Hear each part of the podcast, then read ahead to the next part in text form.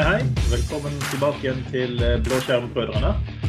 Eh, alle sammen vet jo hva Intune er. Eh, alle hadde jo lært seg å begynne å bruke dette. Så hva gjør jo Microsoft da? Jo, de flytter jo Intune ut fra Silverlight og inn i Ashore-portalen. Og når han begynte å dukke opp i Ashore-portalen, så begynte jo folk å etter hvert skjønne at ah, det er jo, Intune har jo blitt modernisert og ser bra ut. Så nå vet vi hvor det er, hva det heter. Så hva tenker Microsoft da? Jo, la oss bytte navn og flytte det ut av Ashore-portalen. Så da tenkte vi kunne kanskje ta en liten snakk med en mann som eh, kan hjelpe oss å forstå litt rundt dette her. Eh, god dagen, Nikolai. Velkommen til oss. Takk for det. Det var hyggelig. Og kjekt å være her blant gamle venner og kollegaer. Så ja, Defender. Det er jo et kjent navn etter hvert. Security Essentials begynte det som en gang i tiden, 2007-2008 kanskje. Så begynte Microsoft å lage et gratisprodukt for å ta virus og trusler på hjemme-PC-er. Så da fikk det virkelig brynt seg og um, hamlet opp med, med, mange trusler. Og rapporterte alt til skyen til, til Microsoft. Hvordan de håndterte det, hvordan de løste det, og, uh, og dette har de bygget videre på. Så, så, allerede der gjorde Microsoft et smart trekk, for de så seg lei av at Symantec som ga ut prøveversjoner, gikk ut på, på dato og ble utdatert, og brukerne tok ikke affære med det og ja, visste ikke noe bedre. Så,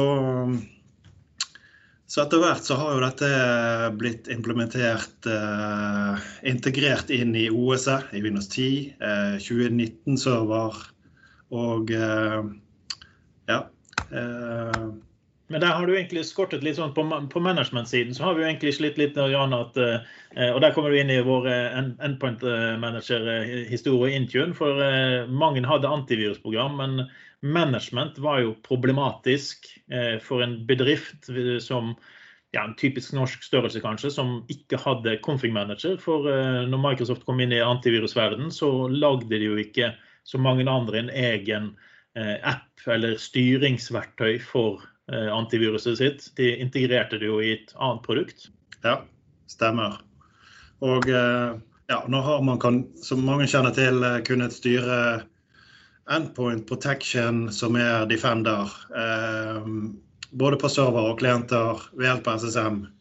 Eh, der kan man òg eh, benytte den lisensen for videre inn mot Defender for, for servere, for endpoints. Um, og ja, styre rett og slett Defender med sikkerhetskonsollet i Ashore.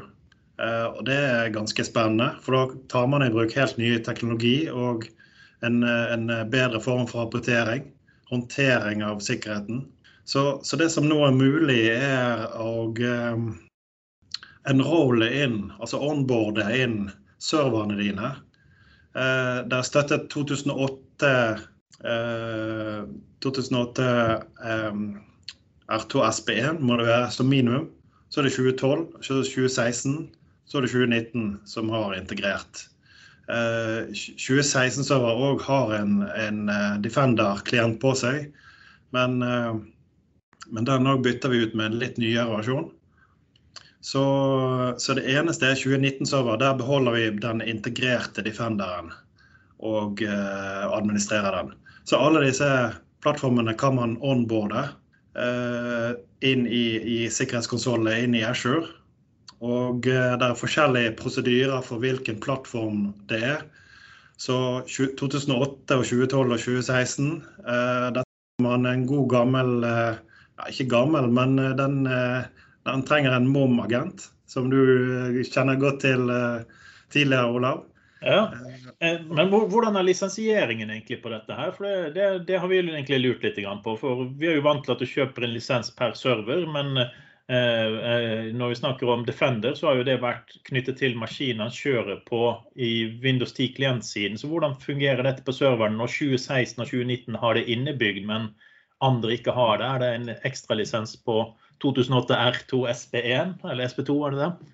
Ja. Det, lisensen er jo i bunn og grunn for å få managementstyring av det og rapportering.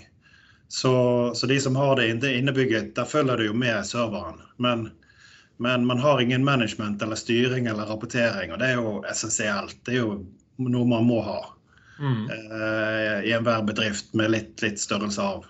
Så, så på klientsiden så er det jo enkelt. altså det meste blir brukerbasert, lisensiert der. Uh, I, i, i Enterprise-lisensen på brukere så har man fem devices per, eh, per bruker, og de kan kjøre AT, altså Defender for endpoint. Man må begynne å venne seg til det nye navnet. Så, så, så, der følger lisensen med hvis man har en E3 eller E5-lisens. Eh, for å få den ja, optimale sikkerhetsfeaturen, så må man ha E5 eller en ATP-lisens. Så, så, men for servere så er jo det store spørsmålet hvordan lisensieres det? Uh, og uh, jeg har prøvd å lete på nettet, det er veldig vagt å finne om det.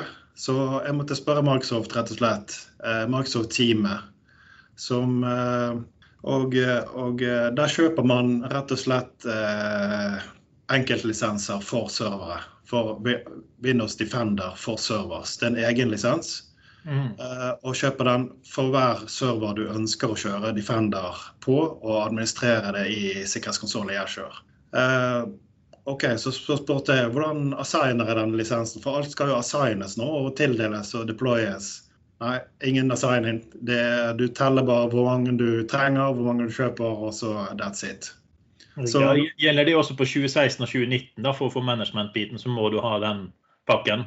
Ja. Alle servere du onboarder til sikkerhetskonsollen i Azure. Mm, godt svar. Så uh, enkelt og greit. Ja. Så uh, Og uh, jeg har fått en del erfaringer med det nå så langt, og det virker bra. og uh, man, man eh, fanger opp trusler automatisk. Man får en e-mail-varsling dersom det finnes virus eh, eller trusler på serverne. I tillegg, det som jeg har sett, er at alle vet at software inventory-rapportering i Intune, den er, den er manglende. Veldig dårlig. Både på klienter og servere. Så det som du får i tillegg i sikkerhetskonsollen i, eh, i Azure, når du da driver og onboarder servere for Defenders, så, så ser man òg eh, inventory. Rapportering av software. Hvor, hvor mange har, eh, har, Office, Adobe installert. Alle mulige ting. Alle versjoner. Den skalerer òg sikkerhetstrusler på hver applikasjon. Og du kan eksportere det til ja, rapporter, Excel. Hvor mange har vi av den og den? Eh, hvor mange har Adobe Reader installert? Og, ja, så det er utrolig kult, og det står eh, skrevet ingen steder som jeg har sett. Så, så det er litt OK. En av de kule tingene òg er jo det at du bruker eh, threat management-funksjonaliteten i Asher. Sånn at du faktisk får en del eh, av den machine learning og AI-funksjonaliteten. At hvis noen blir angrepet et eller annet sted, ehm, så vil du kunne på en måte få godene av det. da. Du vil han lære å bruke den, eh, det han har lært hos noen andre for å redde deg. Så det jo veldig positivt med Defender. Og måten de har samlet det sammen til en mer eh, fornuftig portefølje. Sant? Du har jo Defender for Det så vi jo nå i Ignite, sant, Olav? Hvordan de mm. endret navn. og Du har Defender for uh, IOT, du har Defender for uh, Kubernetes og alt mulig som, som mange ikke bruker og kjenner til alt dette her uh, kan jo fanges opp på tvers av hele skyen, kan du si. Trusler som skjer i Microsoft 365, eh, trusler som skjer andre steder, kan brukes mot serverne dine, faktisk, og mot PC-ene dine. Så det syns jeg er fantastisk. Mm. Ja, det er veldig kult. Det er, det er teknologi som vi ser ut fra skyen nå, som, som ikke vi har hatt mulighet for før. Så, så som du sier, det er og denne, det er maskinlearning, og den samler inn informasjon. Så hvordan håndtere disse truslene best mulig og inn i en database og, og, eh, og, kunne ta i bruk dette til alle kundene, liksom. Det er fantastisk. Og uh, man, man ser jo òg teknologien kommer i bilverden òg. Så er det en bil som, eh, som, som mister hjulgrepet noen kilometer foran deg, ja, så varsler han automatisk til bilene bakover. Det er teknologi som kommer. Mm. At eh, ja, her er det glatt på vei. Så mm. Defender for Tesla. Ja. Det kommer, det. og eh, ja. Defender det er jo òg et navn eh, Amazon har begynt å bruke. De har lagd en Defender for IOT. Så, så dette kommer eh, i alle, alle varianter. Ja, det er jo litt forskjell fra før i tiden. Greit, de lager jo signaturfiler i dag òg, men før, når det var et stort angrep, så satt jo noen mennesker og kodet en, en signaturfil. Sant? Nå skjer jo veldig mye av dette automatisk og utrolig raskt. Det kan jo stoppe store angrep på minutter. Ja. Så det, det, har virkelig gått fremover når de har begynt å ta i bruk uh, the power of the cloud. Sant, eh, Alex? Ja, det er jo uh, Vi har jo sett hastigheten på hvor lang tid det tar å remedere antivirus. Uh, eller å remedere angrep, egentlig riktig hvor, hvor, lang tid det tar. Og angrep skal jo egentlig ikke ta mer enn sekunder før, før det er fikset. Vi har jo hørt eksempler som når Mersk ble angrepet, at her har vi jo egentlig fått på plass funksjoner som kan løse disse problemene. Når første maskin blir angrepet, så har man egentlig implementert en fiks før neste maskin får dette introdusert for seg. Da. Ja, for det er liksom den store frykten. Ransomware. Det er jo det som er det vi alle frykter mest, tipper jeg. Og der, der Nicolai, er jo Defender uh, unik, egentlig. I forhold til Norman antivirus eller Norton eller hva det er folk hadde og har. Ja. ja. Det er der systemene, sant. Mm. Du, du, det er ikke et antivirus lenger, det er et, et forsvarssystem. Mm. Eh, skal måtte koble sammen og snakke med hverandre for å faktisk være mest mulig effektivt. Så det, så, det, er den kommunikasjonen til AI og mer informasjon som eh, vil hjelpe deg å kunne, kunne stoppe i tide. Så. Det er jo nesten litt sånn som du har snakket om tidligere, Olav. Levels and layers. Altså lag på lag med beskyttelse på flere nivå. Mm. Og ingen av lagene er effektivt alene uansett hva man tenker, så vil ikke enten antivirus eller brannvegg være en løsning sant? Eh, i den tradisjonelle tankegangen. Men vi begynte der, og så fikk vi nye lag og nye lag. og Det er jo ikke et eneste lag vi har nå som alene vil være en god beskyttelse. Det er liksom den tanken at vi må koble tingene sammen og få totaloversikten på best mulig måte. Mm. Og Det er jo en av de tingene Microsoft har gjort med å bake inn funksjonalitet i den E5-lisensen som gjør at den er veldig dyr. Men OK, hvis du kan spare penger på antivirus, så er det litt billigere. Hvis du kan spare penger på noe annet du trenger der, så er det litt billigere. Til slutt så ser man gjerne at okay, det er faktisk verdt å oppgradere lisensen for å få ja. de produktene. Sant? Ja, for du får jo den automatiske responsen av andre ting. Altså, det er liksom ikke bare det at du har eh, enkeltstående produkter, men det er sydd sammen som gjør at eh, Cloud App Security f.eks. kicker inn og kan blokkere noe. OneDrive Eh, mm. Kan sørge for at ikke du overskriver noe eh, filer uten at det blir stoppet osv. Du har liksom en sammenhengende av alt. Så. Ja. ja.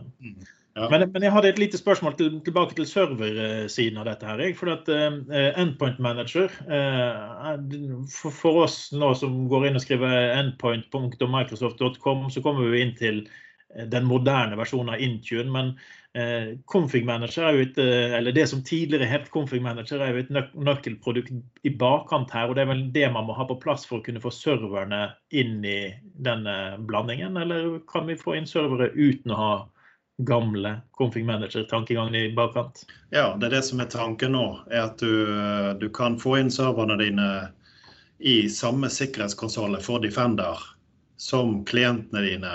Eh, når du tar det inn i Intune og enroller det inn, så, så, blir det inn i samme sikkerhetskonsoller uten noe SSM-agenter eller noe gammelt. OK, riktig. Så du kan få en, en, en løsning med serverne uten å faktisk ha config manager i, i bunn, sånn som du måtte tidligere? Ja.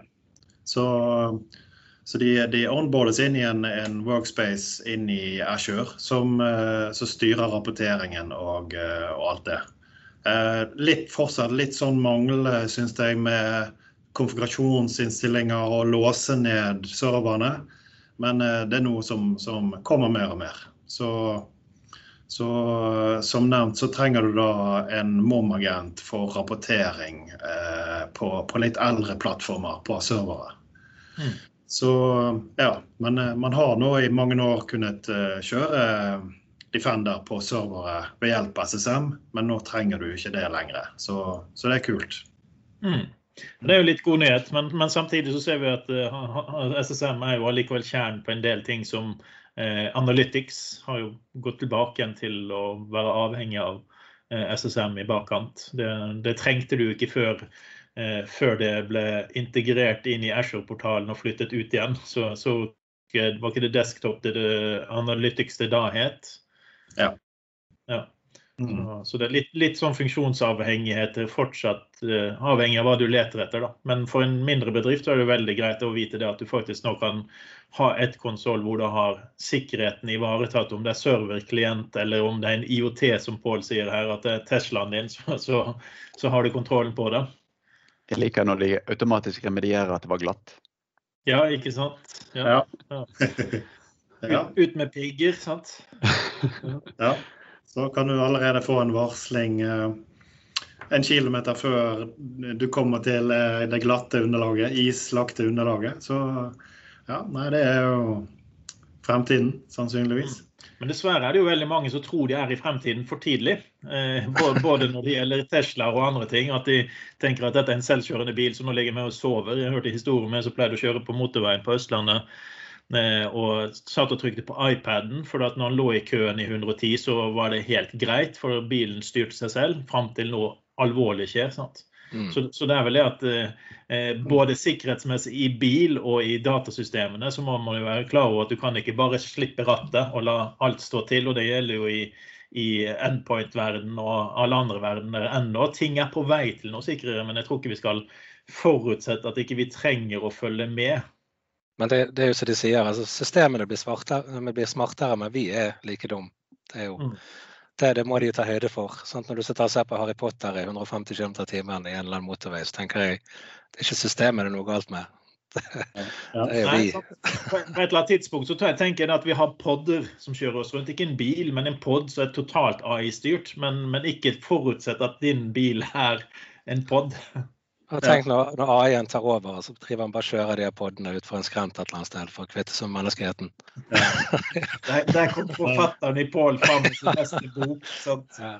Det kommer, det kommer. På, vi må jo finne på andre ting å gjøre da, for å kompensere for uh, tapt hjernearbeid. Altså, lese en bok mens bilen kjører, det er jo OK. Men det var jo en i USA som, um, som kjørte i 180 i en Tesla mens han sov.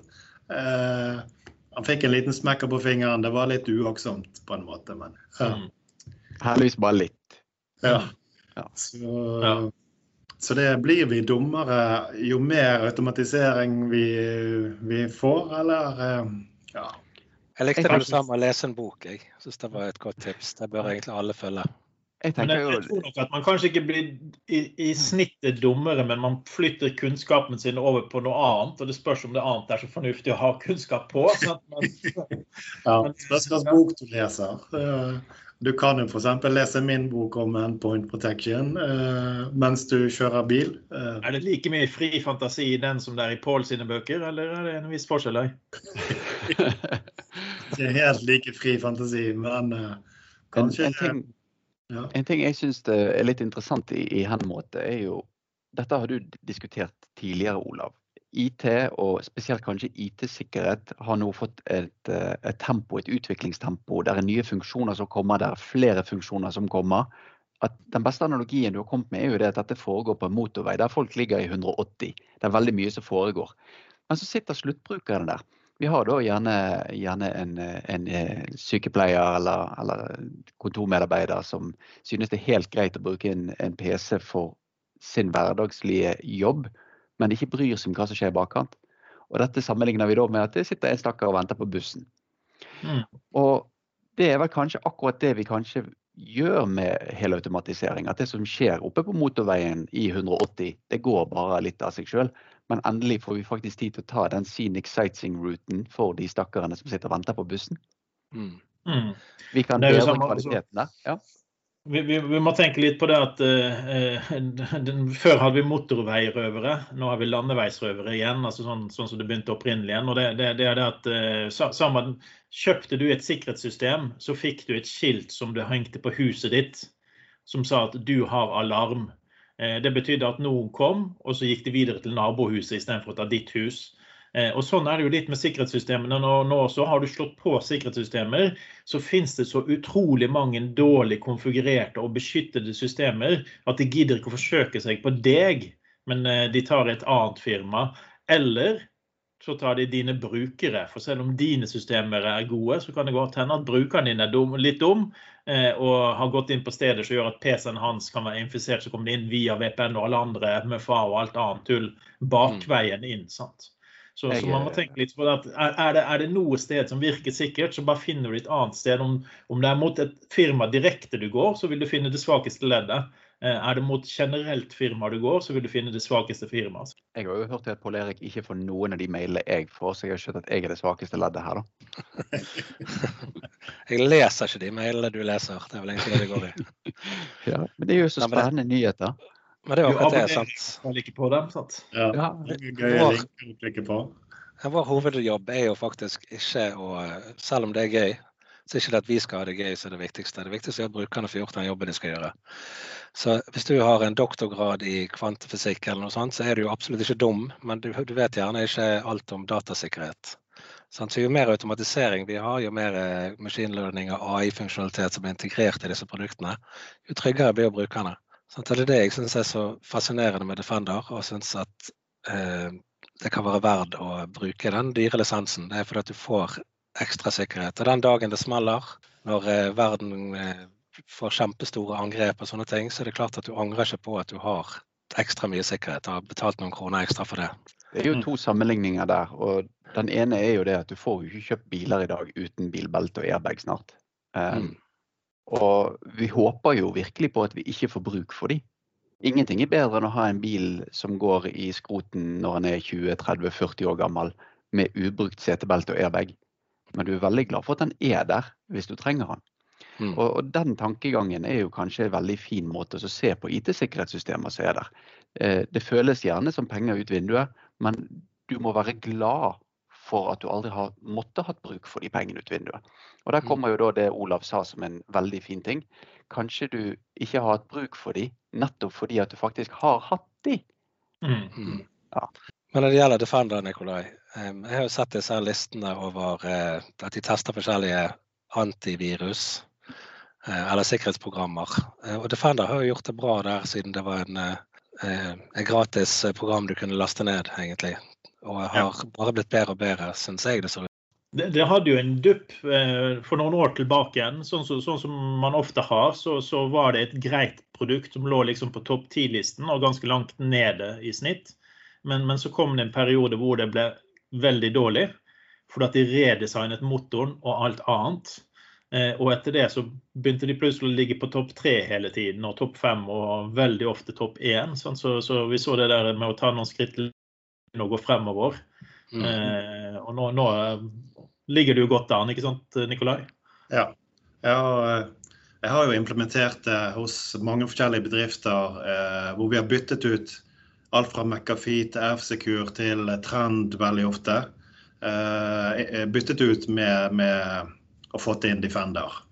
Og uh, erfaringene er veldig gode. Uh, så, så har vel kanskje 10-12 års erfaringer fra bedriftens side i hvordan det fungerer. Og ingen av de kundene har hatt noen store trusler etter vi har fått inn.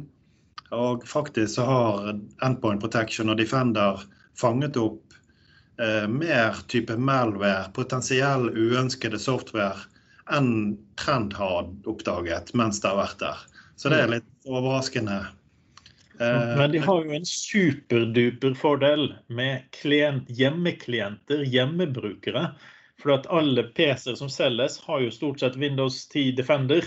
Eh, og det blir jo samlet inn av Microsoft inn i sin AI. Så, så det er ikke bare det at han kjenner bedriftsmarkedet, men han kjenner til og med de dårligste brukerne som kanskje tenker minst på dette. her, Så de har jo klart å øke, eh, øke informasjonen de får inn for å analysere. Det er jo snakk om ganske mye data som blir analysert for å bygge opp en god antivirusløsning eller et forsvarsverk i sin helhet. Og da er det Desto mm. flere du har som kommer inn, desto bedre blir det. Ja, det, det, som jeg snakket om innledningsvis, i 2007-2008 så ga de ut en gratis Security Essentials som begynte å samle inn fra privat-PC-er. Og det er der alt eh, rukkelet i, i, alle mulige varianter eh, befinner seg. Og dette mm. har de samlet inn i årevis. Så, så de har en helt eh, unik uh, database av varianter og, uh, og informasjon. Så så de gjør det jo eh, veldig bra. De det. det. En ting som jeg er glad for at vi slipper òg, det er jo det at nå når det er integrert i Windows 10, så slipper vi sånne problemer som at uh, brukere melder at de har en utrolig treg PC, og så går du inn og ser, og så er de tre forskjellige antivirus. Og alle mm. krangler om de samme filene de skal ha tilgang til. Jeg ja. var på kurs no, altså Nordmann Dette begynner å bli noen år siden. Jeg var på kurs. Kurset kunne ikke starte fordi maskinene var nesten unresponsive. Så jeg måtte bruke mitt kurs første timen på det for å avinstallere et av antivirusene for å kunne sette i gang. Mm. Ja. Og dette slipper vi nå, folkens. Enda en ting så bra. Mm. Jeg husker, husker det. F-Secure er òg en som suger enormt mye. Så den ligger kanskje 70-80% av CPU-en ligger han og bruker.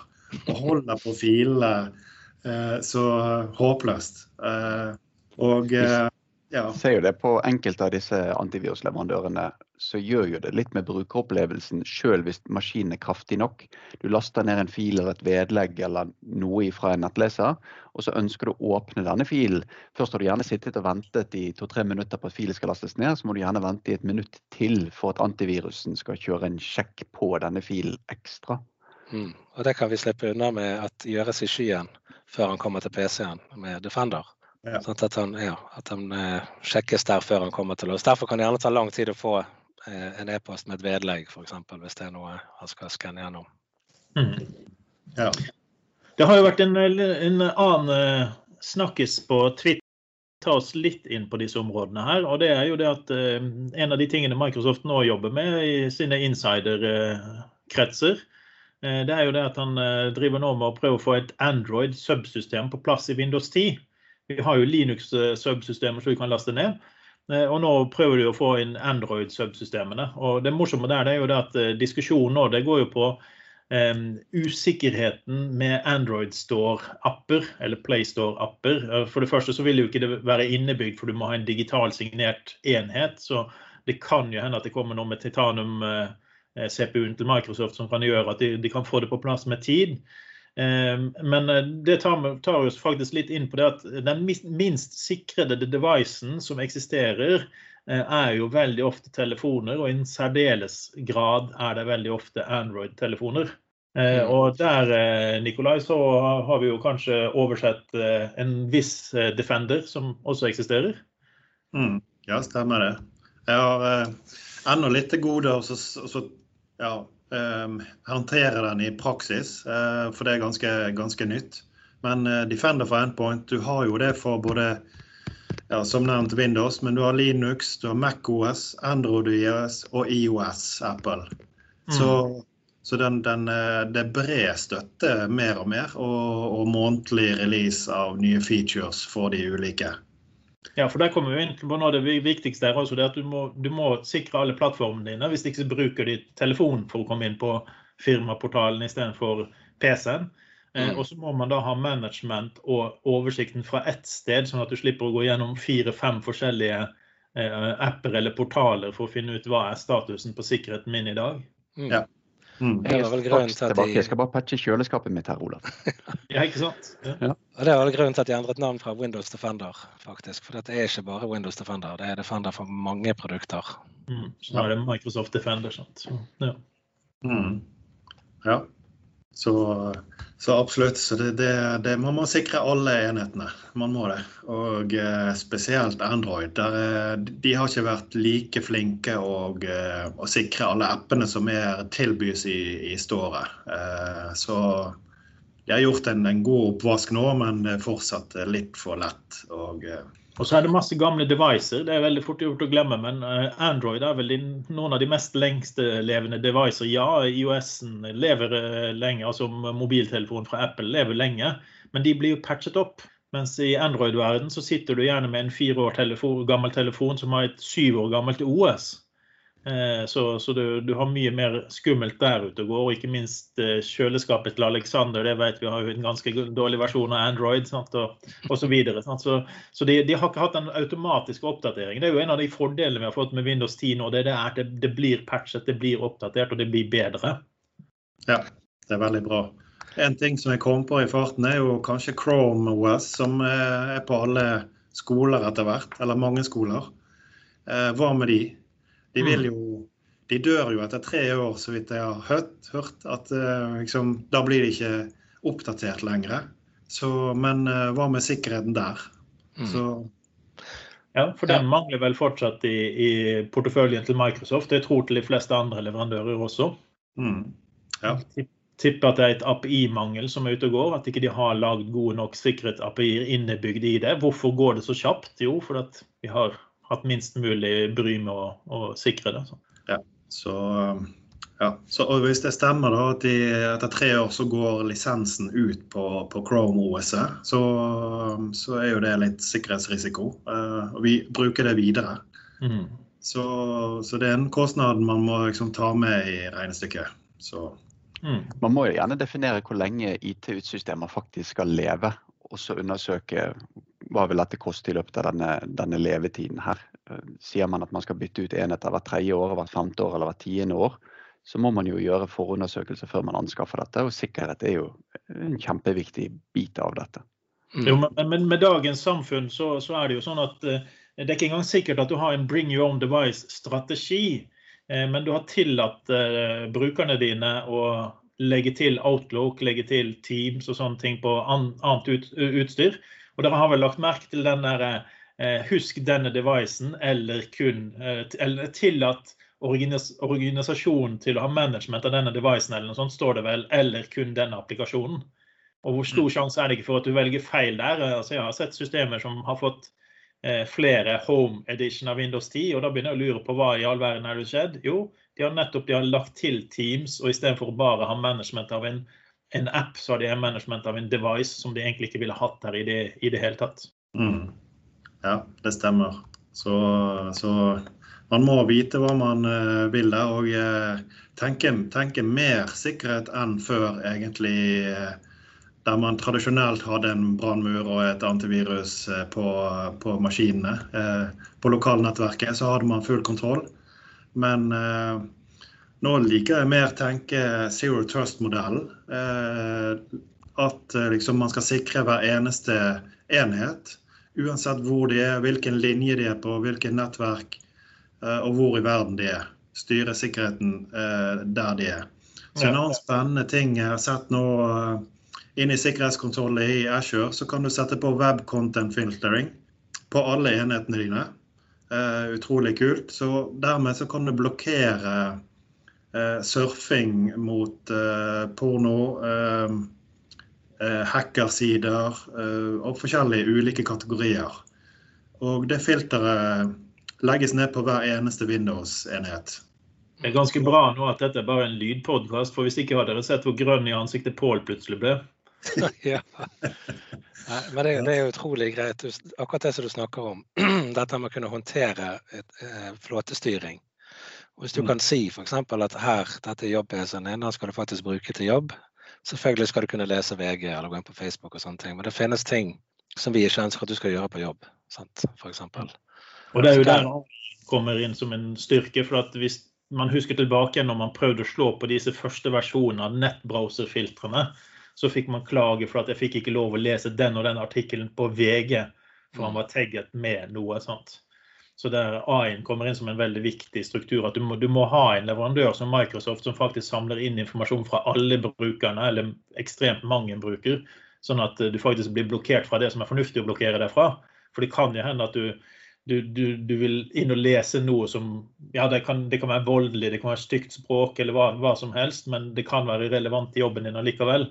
Eh, og da vil du at det skal komme inn uten at du må vite liste eh, hele serier av ting du kanskje ikke ville hatt i hvitelistene dine. Sant? Så AI-en kommer jo inn der som eh, store vinneren. Jeg tror noe av det viktigste vi kan gjøre, er å sørge for at brukerne kan følge Blåskjermbrødrene som podkast på jobb. Det, det, Ja, det må ikke stenge for det, i hvert fall. Den Ja, er LinkedIn, ikke minst. Følg oss på LinkedIn, så du kan se når vi har nye episoder òg. Mm. Ja. Det, det er veldig viktig at ikke det blokkeres eh, feile ting der. Det Mm. Som Blåskjermbrødrene. Så ja, ikke sant. Jeg tror det er en automatisk hvitvasking hos Microsoft, den der å overstyre Ja. Det høres veldig bra ut. Så, Men, eh, men jeg, jeg, jeg syns dette har vært veldig interessant, eh, Nikolai. Eh, Jeg tror mange kan ha godt av å kjøpe Endpoint-boken din, som de finner på Amazon og rundt omkring. Eh, For det, de må konfigurere og sette dette opp riktig. Eh, Og når dere har lest den og kanskje trenger å roe nervene litt, så kanskje dere skulle lest en av På- Pål sine bøker. Og litt ned. ja, litt seinere på kvelden. Sånn, Så Litt passer- på kvelden. Ja. Ja, Pål sin, eh, Pål sin Ja. bok. Jeg har to bøker, av Pål, eller tre nå. Um, nei, jeg holder på med tredje, ja. Ja. Men jeg kan garantere dere en ting, at dere kommer til å lære noe hvis dere leser de. Jeg må også påpeke at min Post-It-lapp begynner nå å strekke seg over to lapper. Oh, Ja, så det kan, det kan hende at det blir noe utgivelse der om med tiden. mm, Ja. jeg gleder meg. Med din, eh, med din eh, kreativitet så kommer det til å bli bra, det er jeg helt sikker på. ja, ja. Nei, men Jeg tror vi skal bare si takk for denne gangen. Og så får vi håpe Nikolai, at du har lyst til å ta en tur innom eh, på et senere tidspunkt også. Ja da. Det her må vi, må vi fortsette litt med. Jeg får daglige erfaringer fra kunder relatert til miljøet, så, så det blir en fortsettelse litt seinere. Eller tidligere neste år. Ja. Kjempe, kjempebra. Vi gleder oss. Veldig bra. Ha det bra, folkens. Ha det godt.